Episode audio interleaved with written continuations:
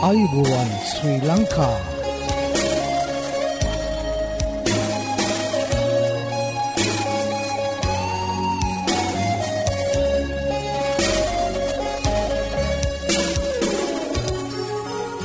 ඔබට සුපදවස මේ ඇඩවෙන්ටිස්වර් රේඩියෝ බලාපොරොත්වය හඬයි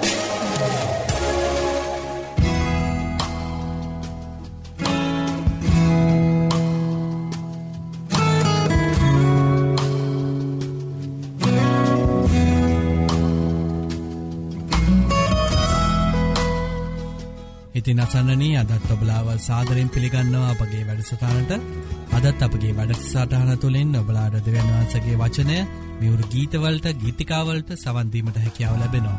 ඉතිං මතක් කරන්න කැමති මෙම වැඩසටාන ගෙනෙන්නේ ශ්‍රී ලංකා 7ඩ ඇඩවෙන්ටිස් කිතුුණු සභාව විසින් බව ඔබලාට මතක් කරන්න කැමති.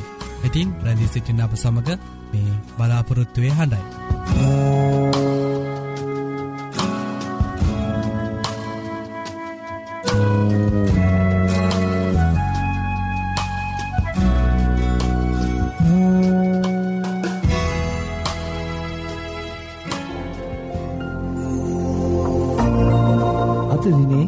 බයිබල් පාටය ස්වාමින්ගේ ව්‍යවස්ථාවෙහි ප්‍රීතිවන්නාව උන්වහන්සේගේ ව්‍යවස්ථාව රෑදවල් මෙනි කරන්නාව මනුෂ්‍ය ආශිර්වාද ලද්දෝය.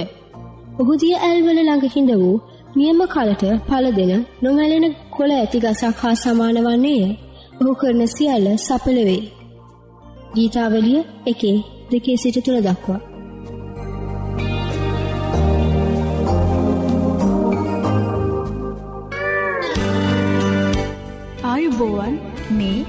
ඇඩ්වෙන්ටිස් වර්ල්ඩ් රේඩියෝ බලාපොරොත්තු වෙන සත්‍යය ඔබ නිදස් කරන්නේ යසාය අටේ තිස්ස එක. මේ සත්‍ය සොයමින් ඔබ අද සිසිින්නේද. එසේ නම් ඔබට අපගේ සේවීම් පිදින නොමිලි බයිබල් පාඩම් මාලාවට අදමැතුල්වන්. මෙන්න අපගේ ලිපිනේ ඇඩවෙන්ටිස්වල් රේඩියෝ බලාපොරත්තුවේ හඬ තැපැල් පෙටේ නම සේපා කොළඹ දුන්න.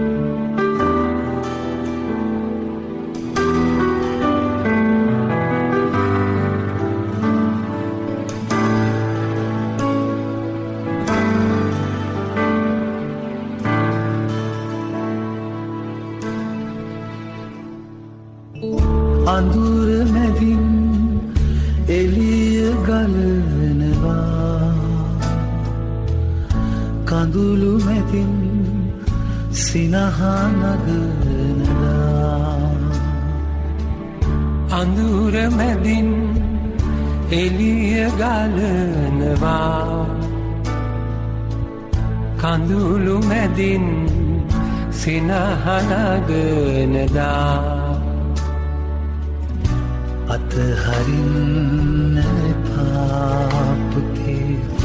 දාලයන්න එපා අතහරින්න එපාපුතේ දාලයන්න එපා සිතින් මොරගසනා නුඹව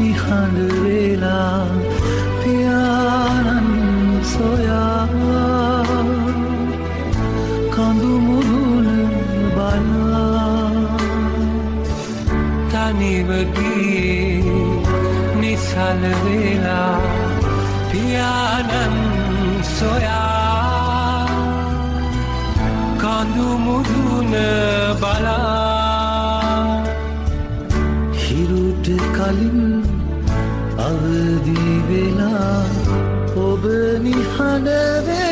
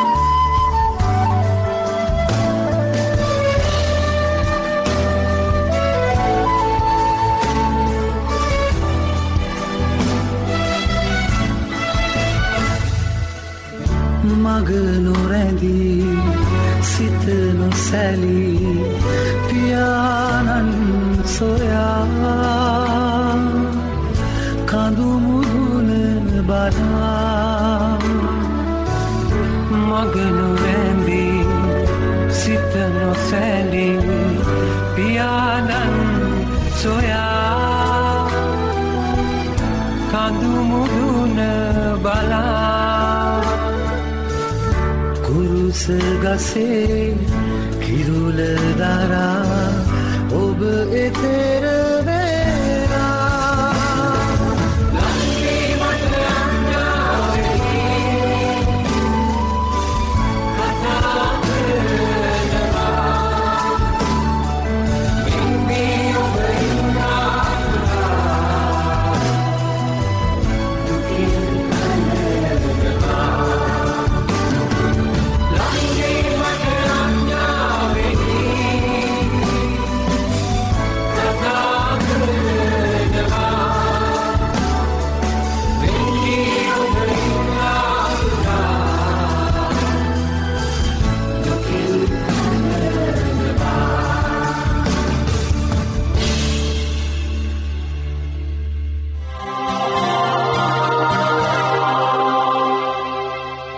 ඔබ මේ රැදි සිටින්නේ Sri Lanka adventist world radio බලාපොරොත්තුවය හඬ සමඟයි.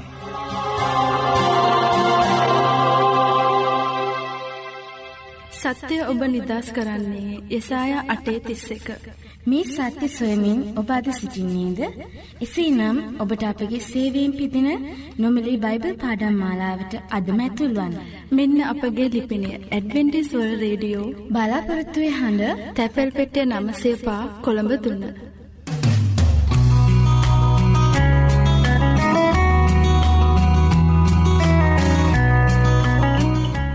ඉතින් අසන්නනී ඔබලාට ස්තුතිවන්ත වෙනවා. අපගේ මෙම මැලිසටාන් සමඟ එක්වී සිටීම ගැන. ඇතින් අපි අදත් යොමුුවමු අපගේ ධර්මදේශනාව සඳහා. අද ධර්මදේශනාව ඔබහටගෙන එන්නේ විලීරීත් දේවගෙදතුමා විසින්.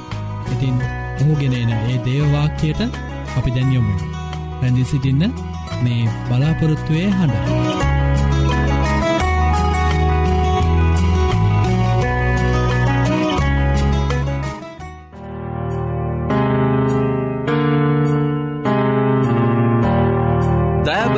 දෑබර අසන්නෙන ඔබ සියලු දෙනාටම සුභ සන්ධ්‍යාවක්. මේ සන්ධ්‍යාවේදී මම ඔබට ඉදිරිපත් කරන්නට අදහස් කරන්නේ යාඥාව තුළින් සුවය යන මාතෘකාව මුල්කරගෙන දේව වචනය සඳහන් වන පරිදි ස්වාමින් වහන්සේ අපගේ යාඥාවන් උදෙස්සා උන්වහන්සේ දෙන්නව පිළිතුරු විශේෂයෙන්ම යම්කිසි කෙනෙක් රෝගීව සිටිනව අවස්ථාවේදී නිරෝගිභාවය පතා සෑම කෙනෙක්ම යාඥා කරනවා. සැබවින්ම සුද්ද වූ බයිබිලේ සඳහන් කර තිබෙන්නේ දෙවියන් වහන්සේ සියල්ලුම රෝග සුවකරන්නාව ස්වාමින් වහන්සේ ලෙසට සුද්ද වූ බයිබිලේ සඳහන් කර තිබෙනවා. අපි මොහොතකට අපගේ ස්වාමිය වූ යේසුස් kristus වහන්සේ මේ ලෝකයේ සිටින අවස්ථාවේදී උන්වහන්සේ කොයි ආකාරෙන්ද සුව කෙරුවේ කියන එක අපි පළමුකොටම සොයා බලමු. මම මේ සන්ධ්‍යාවේදී ඔබගේ අවධාරණය යොමු කරනවා සුද්දෝ මතයතුමාගේ සුභහරංචියයේ හතරවෙනි පරිච්චේදේ විසිතුන්වෙනි වගන්තියට. එහි සඳහන් වී තිබෙන්නේ මෙයයි. තවද යේසුස් වහන්සේ ඔවුන්ගේ සිනගෝගවල උගන්වමින්ද රාජ්‍යයේ සුභහරංචිය දේශනා කරමින්ද සෙනඟ අතරෙහි සියලු ආකාර ලෙඩ සහ සියලු ආකාර රෝග සුව කරමින්ද ගලීලේ මුළුල්ලෙහි ඇවිද්ද සේක. බලන්ට මෙෙහි සඳහන් වී තිබෙන්නේ අපගේ ස්වාමියූ යේසුස් කෘස්තුස් වහන්සේ උගන්වනවා උන්වහන්සේ දේශනා කරනවා ඒ අතරෙහිම සියලු ආකාර ලෙඩ සහ සියලු ආකාර රෝග සුවපත් කළ බව මේ චේදේ සඳහන් කර තිබෙනවා. දැන් එහි සඳහන් වන පරිදි අපි දැනගන්ටෝන අපි බලමු කොයි ආකාර හැම කෙනෙක්මද උන්වහන්සේ සුවපත් කෙරුවේ. දැන් ලූක්තුමායවිල්ලා වෛද්‍යවරෙක්. මේ වෛද්‍යවරයා යෙසුස් වහන්සේගේ ඒ මෙහෙය දැකලා උන්වහන්සේගේ සේවය දැකලා මෙන්න ලූක්තුමාගේ සුභහරංචියයේ නමවැනි පරිච්චේදෙයි එකොළොස්වනි වගන්තයෙහි මෙන්න මේ විදිහටයි සුවපත් කිරීම ගැන යේසු වහන්සේ කුමන ආකාරයේ සෙනගද සුවපත් කළේ කියනක මෙතන සඳහන් වී තිබෙනවා. එහෙත් සමූහයෝ එය දැනගෙන උන්වහන්සේ අනුව ගියෝය. උන්වහන්සේ ඔවුන් පිළිගෙන දෙවියන් වහන්සේගේ රාජ්‍ය ගැන ඔවුන්ට කතාකොට සුවය ඕනෑ අයට සුවය කළ සේක. සුවය ඕනෑ අයට. උන්වහන්සේ ඒ අයව සුවපත් කළා. මේතනයි මේ විදිහටයි ලූක්තුමා අපට සඳහන් කර තිබෙන්නේ. එසේ නම් එදා අපගේ ස්වාමියූ යේසුස් කෘස්තුස් වහන්සේ මනුෂ්‍යයන්ගේ මානසික ඒවගේම කායික රෝග පීඩාවලට සුවදුන්නාසේම උන්වහන්සේ අදත් අපට සුවය ලබා දෙනවාද. උන්වහන්සේ සුවේ ලබා දෙන්ට පුළුවන්ද. නමුත් දේ වචනය සඳහන් වන පරිදි. අපි බැලුවොත්තහෙමගේ මිත්‍රෝනී තුන්ගෙන යොහන්ගේ පොතේ දෙකේ සඳහන් වෙන්නේ මෙන්න මෙයයි. බලන්ට දෙවියන් වහන්සේගේ අභිප්‍රහාය. උන්වහන්සේ කැමති සෑම කෙනෙක්ම සුවෙන් සිටිනවා දකිින්ට. ප්‍රේමවන්තය නුඹේ ආත්මය සපලවන්නක් මෙන්ම නුඹ සියල්ලෙහි සපලවන ලෙසද සුවසේ සිටින ලෙසද යාඥා කරමි. දැන් මෙද යාකෝක්තුමා සියලු දෙනාගේ සුවය උදෙසා යාඥා කරනවා. එසේ නම් සැබවින්ම දෙවියන් වහන්සේ සුවය පතා ඉල්ලන යාඥාවන් වලට උන්වහන්සේ පිළිතුරදෙන්ට යන බවට අපට මෙතන සඳහන් වී තිබෙනවා. හොඳයි මිත්‍රරුණේ වගේම අපි දේව වචනය දෙස බලන විට. අපට පෙනී යනවා යාකෝග්‍ය පොතේ පස්වනි පරිච්චේදේ දහතුන්ගෙන වගන්තිය. මෙතනත් ඉල්ලීමක් කර තිබෙනවා නැත්තම් ආයාචනයක් කර තිබෙනවා පොරොන්දුවක් දී තිබෙනවා සුවය සහයාඥාව අතර පෙන්නුම් කරන සබඳතාවය අපට තහවුරු කිරීම පිණිස. යාකොබ්ගේ පොතේ පස්සනි පරිච්චේදේ දහතුන්ගනි වගන්තිය සඳහන නොමෙන්න මේ විදිහට. මේ උඩින්ම ඔබ සතුව බයිබලයක් තිබෙනවනං අසන්නෙන එහි සඳහන් වී තිබෙන්නේ මාතෘකා වෙලා තින්නේ යාඥාවේ බලවත්කම. නුඹලා අතරෙහි යමෙක් දුක්විඳින්නේද. ඔහු යාඥා කරාවා. යමෙක් ප්‍රීතියෙන් සිටින්නේද ඔහු ගී කියාව. නුබලා අතරහේ යමෙක් රෝගාවතුරුව සිටින්නේද ඔහු සභාවේ වැඩිමහල්ලන්ට හඬගසා ඔහු ස්වාමින් වහන්සේ ගේ නාමේන් ඔහුට තෙල් ආලේපකොට ඔහු දෙසා යාඥා කරත්වා.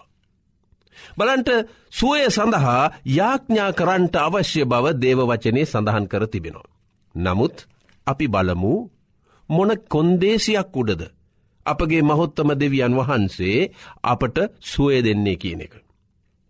එසේනම් නික්මයාම පොතෙත් අපට සඳහන් කරලා තිබෙන අපාලොස්වනි පරිච්චේදේ. නික්මයාම පොතේ පාලොස්වනි පරිච්චේදේ විසිහයවනි වගන්තියට අපගේ සිත දැන් යොමු කරමු. අපට සුවය දෙන්ටනං.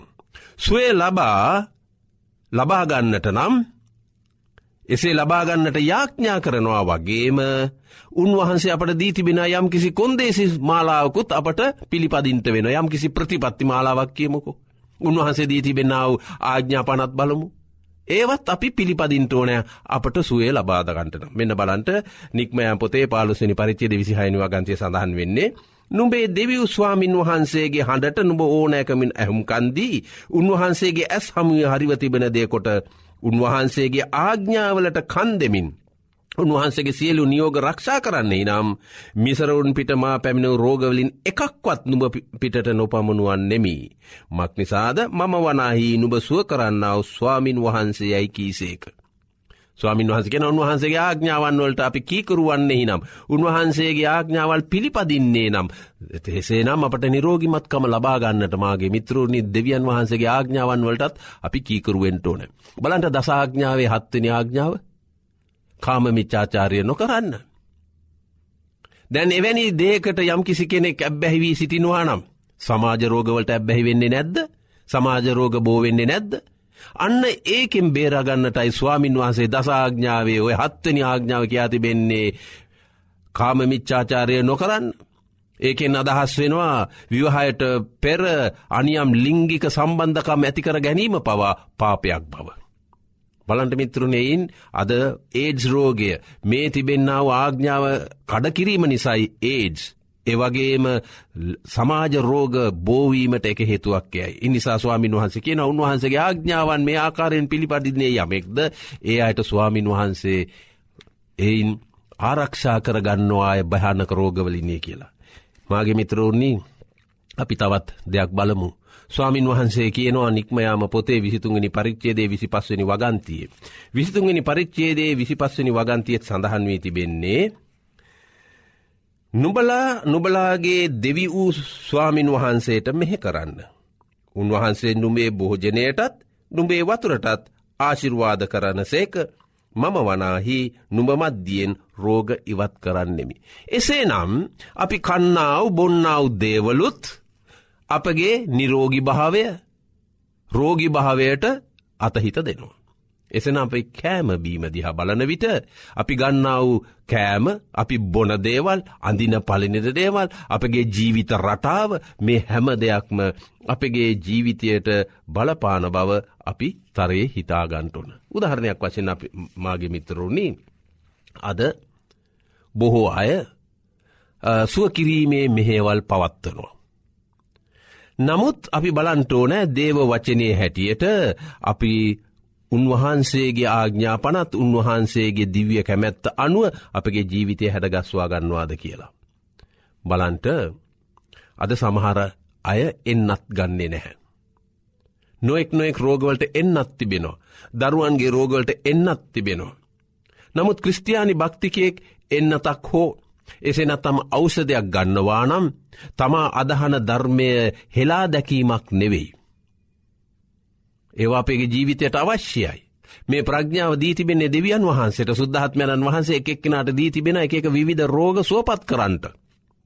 සුවපත් කරන්නට එයට වෛද්‍ය විද්‍යාව දැන ගැනීමත් ඒ තුළින් රෝග වටහාගෙන ඒවාට අවශ්‍ය බෙහෙත් හේත් වට්ටෝරුවක් දෙන්නටත් දෙවියන් වහන්සේ උන්ට ප්‍රඥාවදී තිබෙන හෙම නිසා අපි බෙහෙත් හේත් ගන්නවන යම් කිසි රෝගයකට ඒක අපගේ ඇදහිල්ල එසේ නත්තම් දෙවියන් වහන්සේ ප්‍රතික්ෂ කිරීමක් හෝ උන්වහන්සේට නිගරු කිරීමක් නොවෙයි. හොඳයි මිත්‍රෝණි අපි බලන්ටෝනෑ බෝ අවස්ථාවන් හිදී. අපගේ ජීවිත රටාව ඉතාමත්ම වැදගත් වෙනවා අපට නිරෝගීව සිටින්නට. විශේෂයෙන් ව්‍යයාම අපි බලමු අපේ ව්‍යයාම කොයි ආකාරයෙන් අපට අවශ්‍ය වෙනවාද කියන එක. දෙවියන් වහන්සේ අපිව මවලා තියෙන්නේ අපගේ කායික එවගේම අධ්‍යාත්මික ජීවිතය යම් කිසි ප්‍රතිපත්ති මාලාවක් මුල් කරගෙන නිරෝගි භාව ලබාගෙන ලබා ගැනීම පිණිසයි. ඉන් නිසා ඒ තිබෙන සෞඛ්‍ය ප්‍රතිපත්ති අපි අනුගමනය කරනවා නම් අපට නිරෝග මානසිකව ශාරීරිකව අධ්‍යාත්මිකව අපට වැඩෙන්න්නට පුළුවන්. හොඳයි. අපි හිතමු. වාහනයකට ඩීසල් වාහනයකට බුහමිතෙල් දැම්මොත් කොච්චරකල් දුවයිද. ඒවගේම අපට ඒ ලිහිසි තෙල් වෙනුවට අපි වතුර දැම්මොත් ඒ රතවාහනේ ඇන්ජිමට කුමක් වෙයිද. වෙලා අසන්නාව ඔබ සමහරට කියන ඇති මේක වැඩ කරයි නමුත් වැඩිකල් පවතින්නේ නැහැ. ඒවගේම තමයි අපගේ ශරීරයත් අපේ ශරීරයට අවශ්‍ය නොවෙන ආහාර වර්ග ඇතුළත් කිරීමෙන් වැඩිකල්යන්ට මත්තෙන් රෝගී තත්ත්වයකට එන්ට ඉඩ තිබෙනවා. හොඳයි අපි ගන්න ආහාර පළමුකොටම සුද්ද වූ බයිබලේ ක්‍රස්තියානි බැතිමතුන්ට දීතිබෙන්නාව මුල්ම ආහාර වට්ටෝරු ඇල්ලා සාක ආහාරයක්. නිර්මාන්ස ආහාරවේලක්. නිසා අපි නිර්මාන්ස ආහාරවේලක් අපි අනුගමනය කරනවානම් ඒ තුළින් අපට යහපත් සුවයක් ලබාගන්ට පුළුවන්. නමුත් අද.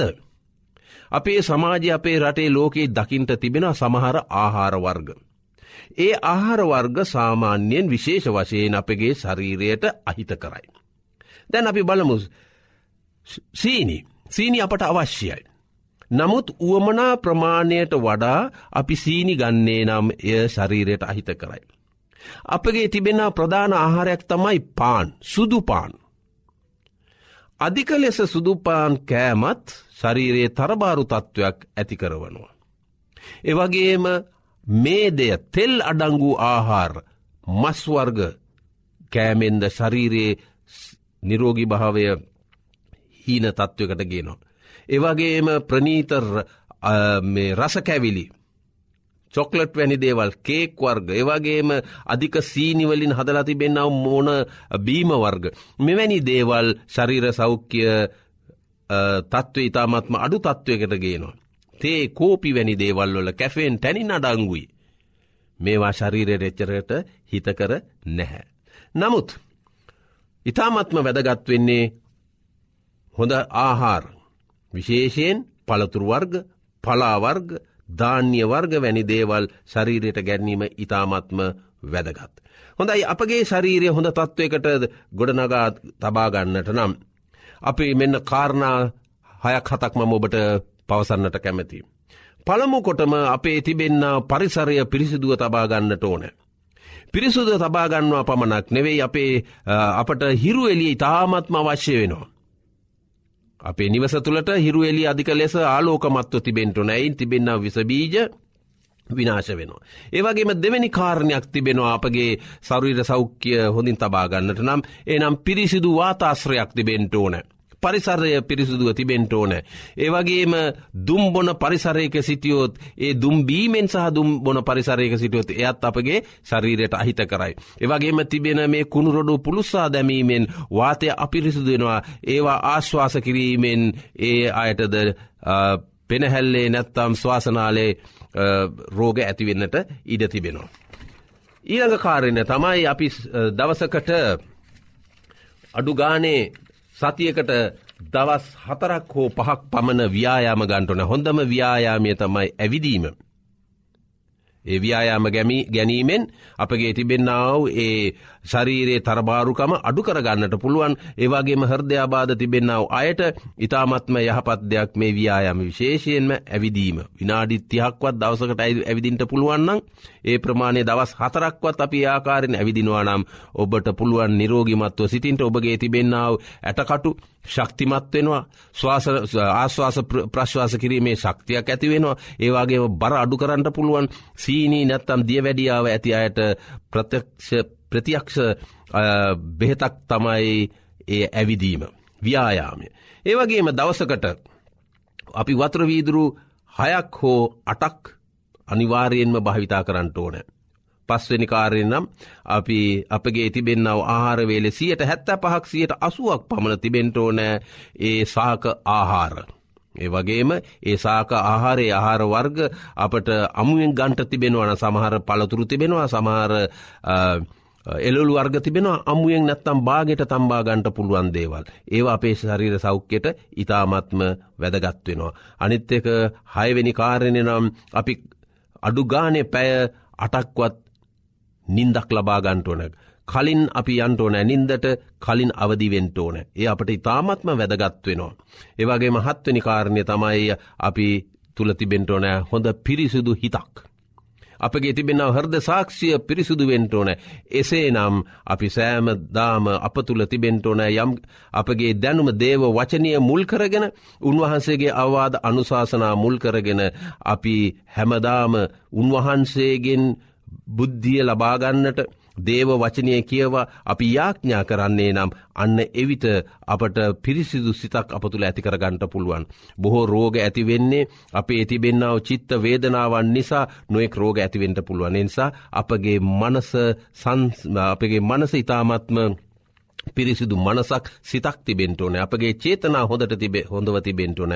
යාඥාව සහ දේව වචනය තුළින් එසේ කරගන්නට පුළනේ නිසා ඔබට යහපත් ජීවිතයක් ගත කරන්නට ඕන නම් මාගේ මිත්‍රෝර්ණි දෙවියන් වහන්සේ ගැන පනත් රක්ෂා කරන්නට උන්වහන්සේට යාඥා කරන්නට සුවේ ඉල්ලලා නමුත් සුවේ ඉල්ල අතර උන්වහන්සේගේ සෞඛ්‍ය ප්‍රතිපත්තිද අනුගමනය කරන්නට එවිට ඔබට පුළුවන් ස්වාමින් වහස කෙන එවිට මම නුබට සුවේ ලබා දෙන්නම්. හොඳයි. අපි ඒදේ සිතේ ධාරණය කරගෙන ඔබ සිල්ලු දෙනාටම ක්‍රිස්තුස් වහන්සේ තුළින් නිරෝගීමා ජීවිතයක් අත්වේවා කියා ප්‍රාථනා කරමින් අපි දැන් යාඥා කරමු. අපේ ජීවිත රටාව හැඩගස්වාගෙන යහපත් ජීවිතයක් ආරම්භ කරන්නට සුවය පතා. අපි යාඥා කරමු. අපගේ දයවන්ත ස්වාමීණි ඔබහන්සේ අපට දීතිබෙන්නාව සෞඛ්‍ය ප්‍රතිපත්තිවලටත් ඔබහන්සගේ අප අධ්‍යාත්මක ජීවිතය ශක්තිමත් කරන්ට කායික ජීවිතය ශක්තිමත් කරන්ට ඔබහන්සේ දී තිබෙන දස ආග්ඥාවටද සෞඛ්‍ය ප්‍රතිපත්තිවලට ස්තිවන්ත වෙනවා ස්වාමීණි ඔබහන්සේ අපට සුද්ද බයිබලේ දී තිබෙන්න්නාව ඒ යහපත් සෞඛ්‍ය ප්‍රතිපත්ති අපට අනුගම්ලිය කරන්නේ නම් ඔබහන්සේ අපට සුවේ ලබා දෙනවාය කියලා අපට කියා තිබෙනවා. ස්වාමින් වහන්ස අපගේ ජීවිත රටාව වෙනස් කරගෙන අපගේ සිත ඔබහන්සේ තුළ අලුත් කරගෙන අන්තිමේ දක්වා ස්තීරව සිටින්ටත් අපගේ ශරීරය තුළින් ඔබහන්සේට ගෞරයදෙන්ට අපිව මානසිකව ඒවාගේම කායිකව අධ්‍යාත්මිකව වැඩෙන්න්නට නිරෝගිව සිටින්නට අපට ආශිරුවාද කරන්නටත් දැම් මෙතන මේ අසා සිටිනාව අයටත් ඔබහන්සේගේ දිව්‍ය නෙත් ඔවුන් වෙතට යොමුකොට ඔවුන්ට සිතේ ශාන්තය ඇතිකොට ඒ තුළෙන් නිරෝගි භාව ලබාදෙන්ටි කියලා ඇද සිටින්නේ අපට සුවය ලබා දෙන අපිව ආරක්ෂා කරන අපගේ ගැලවූ කරුස්වාමියූ ඒසුස් ක්‍රිස්තුස් වහන්සේගේ නාමේ.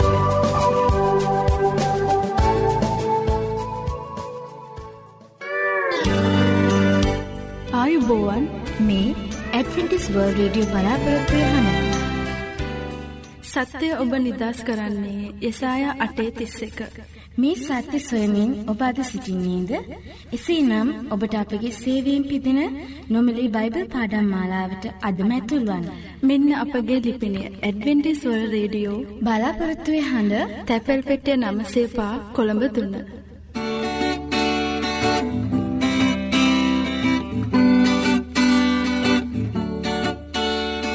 කල්වරයට ගියා මානිසා මානිසා යේසුස් මානිසා කල්වරයට ගියා මානිසා මාගිනය ගෙව්වා.